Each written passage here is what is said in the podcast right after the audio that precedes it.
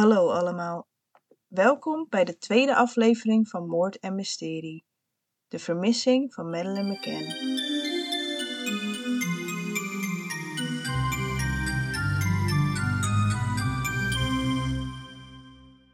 Waarschuwing. Vandaag zal ik het hebben over een onopgeloste vermissing van een meisje van drie jaar oud, Madeleine McCann.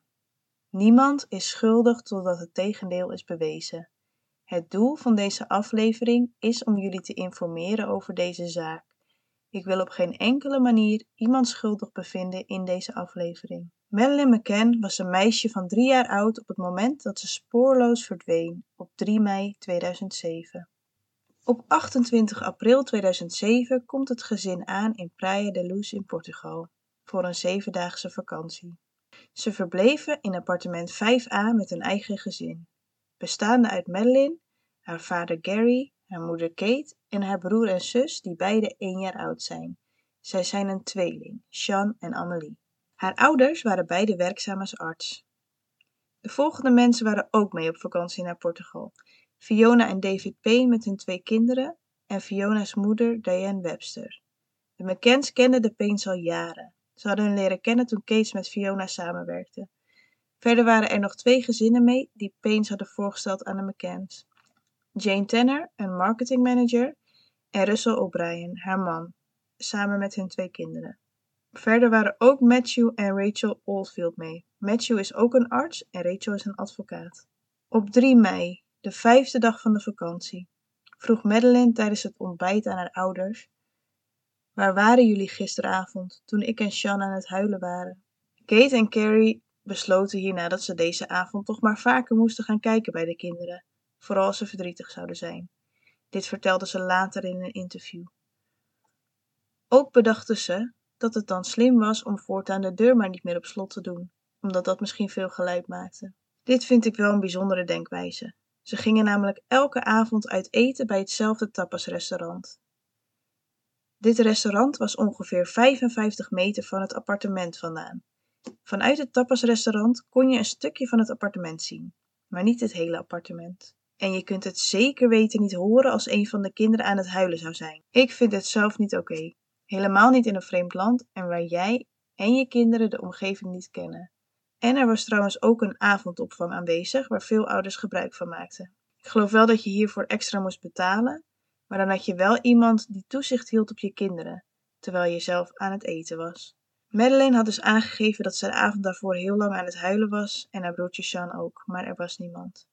Het lijkt mij dat je dan als ouder wel achter je oren gaat krabben, maar blijkbaar niet, want dezelfde avond gingen ze weer uit eten, maar dit keer met een andere afloop. Maar nu even terug naar het begin van de dag van 3 mei. Na het ontbijt besluiten de McCanns dat ze ochtends om 10 uur willen gaan wandelen samen. Ze zetten de kinderen af bij de kidsclub, waar activiteiten voor de kinderen worden verzorgd onder toezicht. Ze krijgen bijvoorbeeld tennisles of gaan andere activiteiten doen met de kinderen. Rond half één worden de kinderen weer opgehaald en gaan ze naar het appartement om met z'n allen samen te lunchen en daarna te gaan zwemmen, omdat ze graag iets samen willen doen als gezin. Om half drie wordt de laatste foto van Madeleine gemaakt bij het zwembad. De camera geeft half twee aan, maar de ouders zeggen later dat de tijd van de camera niet klopt. Om half vier worden de kinderen nogmaals bij de kidsclub gebracht. Hier eten ze rond half zes wat eten mee. Om zes uur haalt Kate de kinderen op en gaat Gary naar zijn tennisles. Om zeven uur komt Gary terug van tennisles en liggen de kinderen al te slapen in de voorste slaapkamer aangrenzend aan de straat. Madeline ligt in het bed naast de deur. Onder het raam staat een eenpersoonsbed, deze is leeg, en de tweeling ligt in twee losse campingbedjes in het midden van de kamer. De McCanns gaan douchen en zich klaarmaken om uit eten te gaan. Ze openen samen alvast een fles wijn in het appartement. Om vijf minuten over half negen s'avonds komen de McCanns als eerste aan in het restaurant. Om vijf voor negen gaat Matt Ovild als eerste bij zijn kinderen kijken. Om vijf over negen gaat Gary bij zijn eigen kinderen kijken. Gary gaat naar binnen door de patio-deuren die ze niet op slot doen. Wanneer hij binnenkomt, ziet hij dat de deur van de kinderkamer een stuk geopend is. Op dit moment vond hij dat al gek, want normaal laten ze de deur op een klein kiertje en niet zo wijd open. Hij kijkt naar binnen en hij ziet alle kinderen rustig slapen. Wat hij zich later nog bedenkt is dat hij vond dat Madeline er zo mooi bij lag. Hij gaat nog even naar de wc en daarna gaat hij weer terug naar het restaurant. Rond acht minuten over negen loopt Gary terug en hij ziet Jeremy Wilkins aan de overkant van de straat lopen. Jeremy Wilkins heeft hij ontmoet tijdens de vakantie en ze zijn bevriend geworden.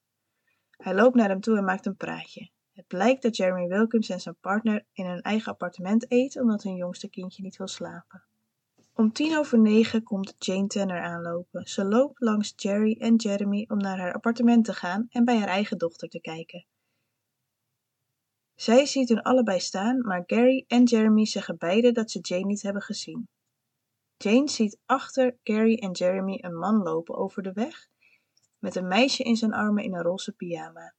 Op dit moment dacht ze er niet zoveel van, omdat dit vaker gebeurt op het resort, omdat mensen hun slapende kinderen dus ophalen van de avondopvang. Bij haar dochter is alles in orde en ze loopt terug naar het restaurant. Om half tien staat Kate op om de kinderen te gaan checken.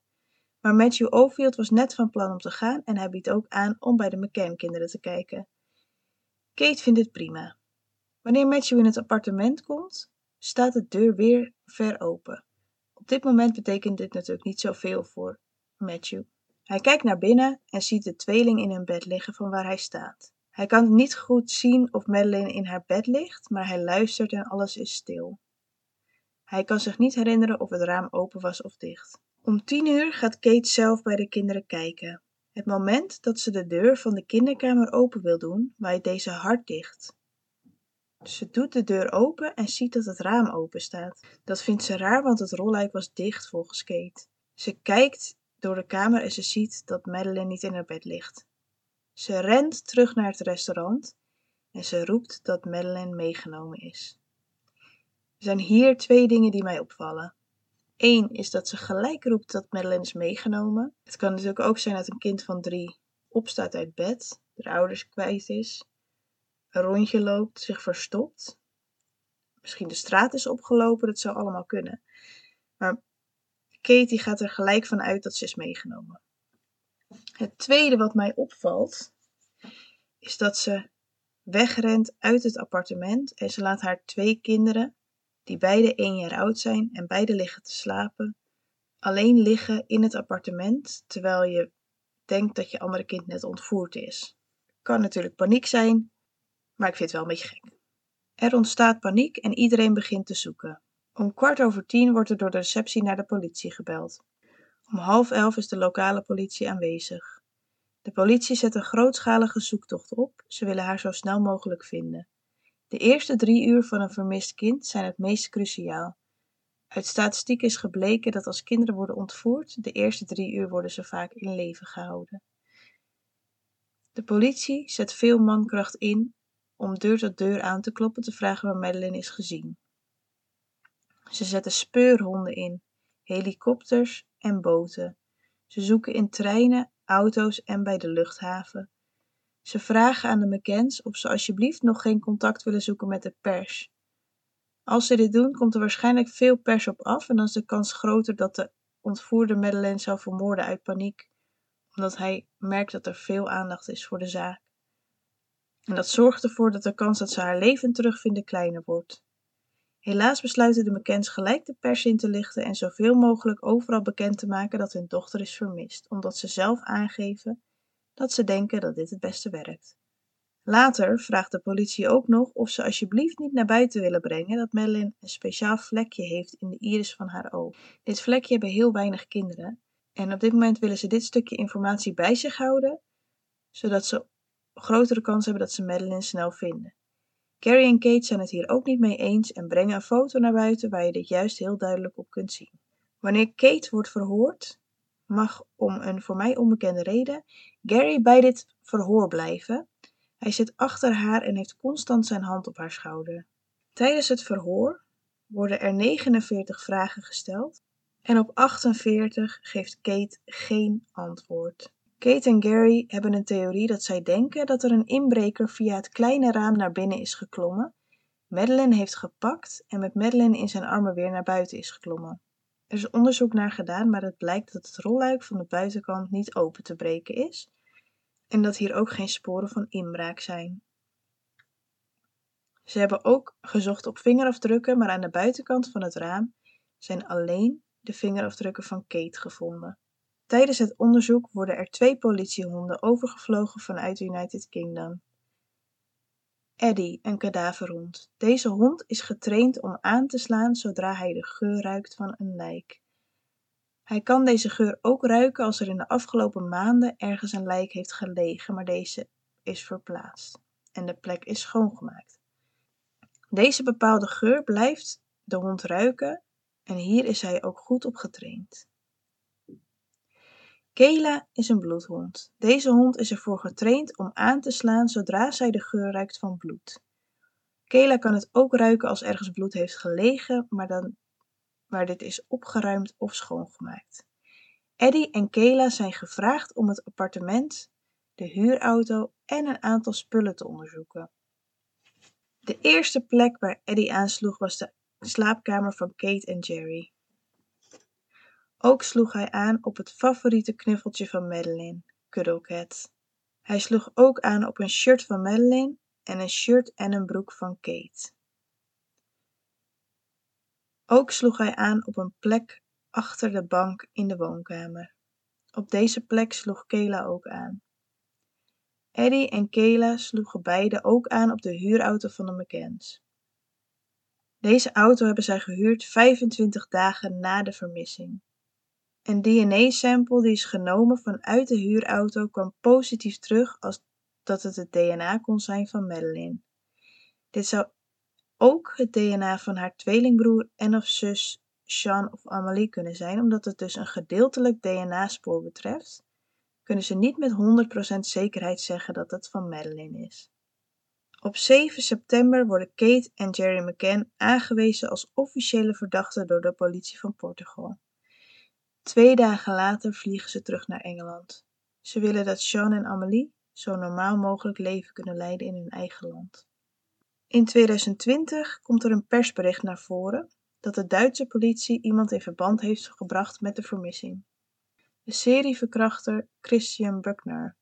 Hij heeft in het verleden verschillende vrouwen verkracht. Hij zit op dit moment vast in Duitsland voor het verkrachten van een vrouw in 2005 in de omgeving waar Madeleine is verdwenen. De Duitse politie heeft naar buiten gebracht dat ze vrij zeker van zijn dat hij schuldig is. Maar tot op de dag van vandaag is er nog geen nieuws naar buiten gebracht. Er kunnen verschillende scenario's gebeurd zijn in deze zaak. 1. Een vreemde is langs geweest. Dat zou kunnen. De deur was open, niet op slot. Er was geen toezicht. Madeleine zou makkelijk meegenomen kunnen zijn door een vreemde. 2. Christian Buckner is erbij betrokken. Dat zou ook mogelijk kunnen zijn. Hij was op dat moment was hij natuurlijk in de omgeving. De mogelijkheid was er. De deur was niet op slot. Er was geen toezicht. Als hij even in de gaten had gehouden wanneer er iemand lang zou komen, had hij makkelijk Madeline mee kunnen nemen. De derde optie is dat de ouders er iets mee te maken hebben. Als de ouders er niks mee te maken hebben, hebben ze wel wat steken laten vallen. Ze hebben de mogelijkheid gegeven tot ontvoering. De deur was niet op slot, er was geen toezicht. Wat ook vreemd is, is de manier hoe de McCann zich hebben gedragen in interviews. Je kunt hier heel veel van vinden, want ze hebben de pers superveel opgezocht. Er staan overal interviews op YouTube. Ja, ze gedragen zich constant heel uh, emotieloos. Leggen ze zelf uit doordat ze, ja, ze hebben PR-mensen ingehuurd die hun hebben begeleid om met de pers om te gaan. En ze zeggen dat ze getraind zijn om dan geen emotie meer te tonen. Een andere theorie die nog gaat, is dat de McCanns hun kinderen slaapmedicatie hebben gegeven. Dat dat fout is gegaan en dat ze dat hebben geprobeerd te verbergen. De McCanns zijn allebei artsen ze zouden weten welke slaapmedicatie ze kunnen gebruiken. En ehm, tijdens het zoeken naar Madeline zijn er zoveel mensen in en uit de slaapkamer gelopen. En het bleek dat de tweeling overal doorheen is geslapen, door alle paniek, door alle commotie, door al het gezoek. Dat is ook vreemd. Ik zeg niet dat ze schuldig zijn, maar er zijn gewoon heel veel vreemde dingen die opstapelen. Ja, dus ik weet niet wat er is gebeurd. wat denken jullie? Praat mee op Instagram. Ik ben heel erg benieuwd wat jullie ervan denken. Dus volg me op moord.en.mysterie op Instagram en praat mee.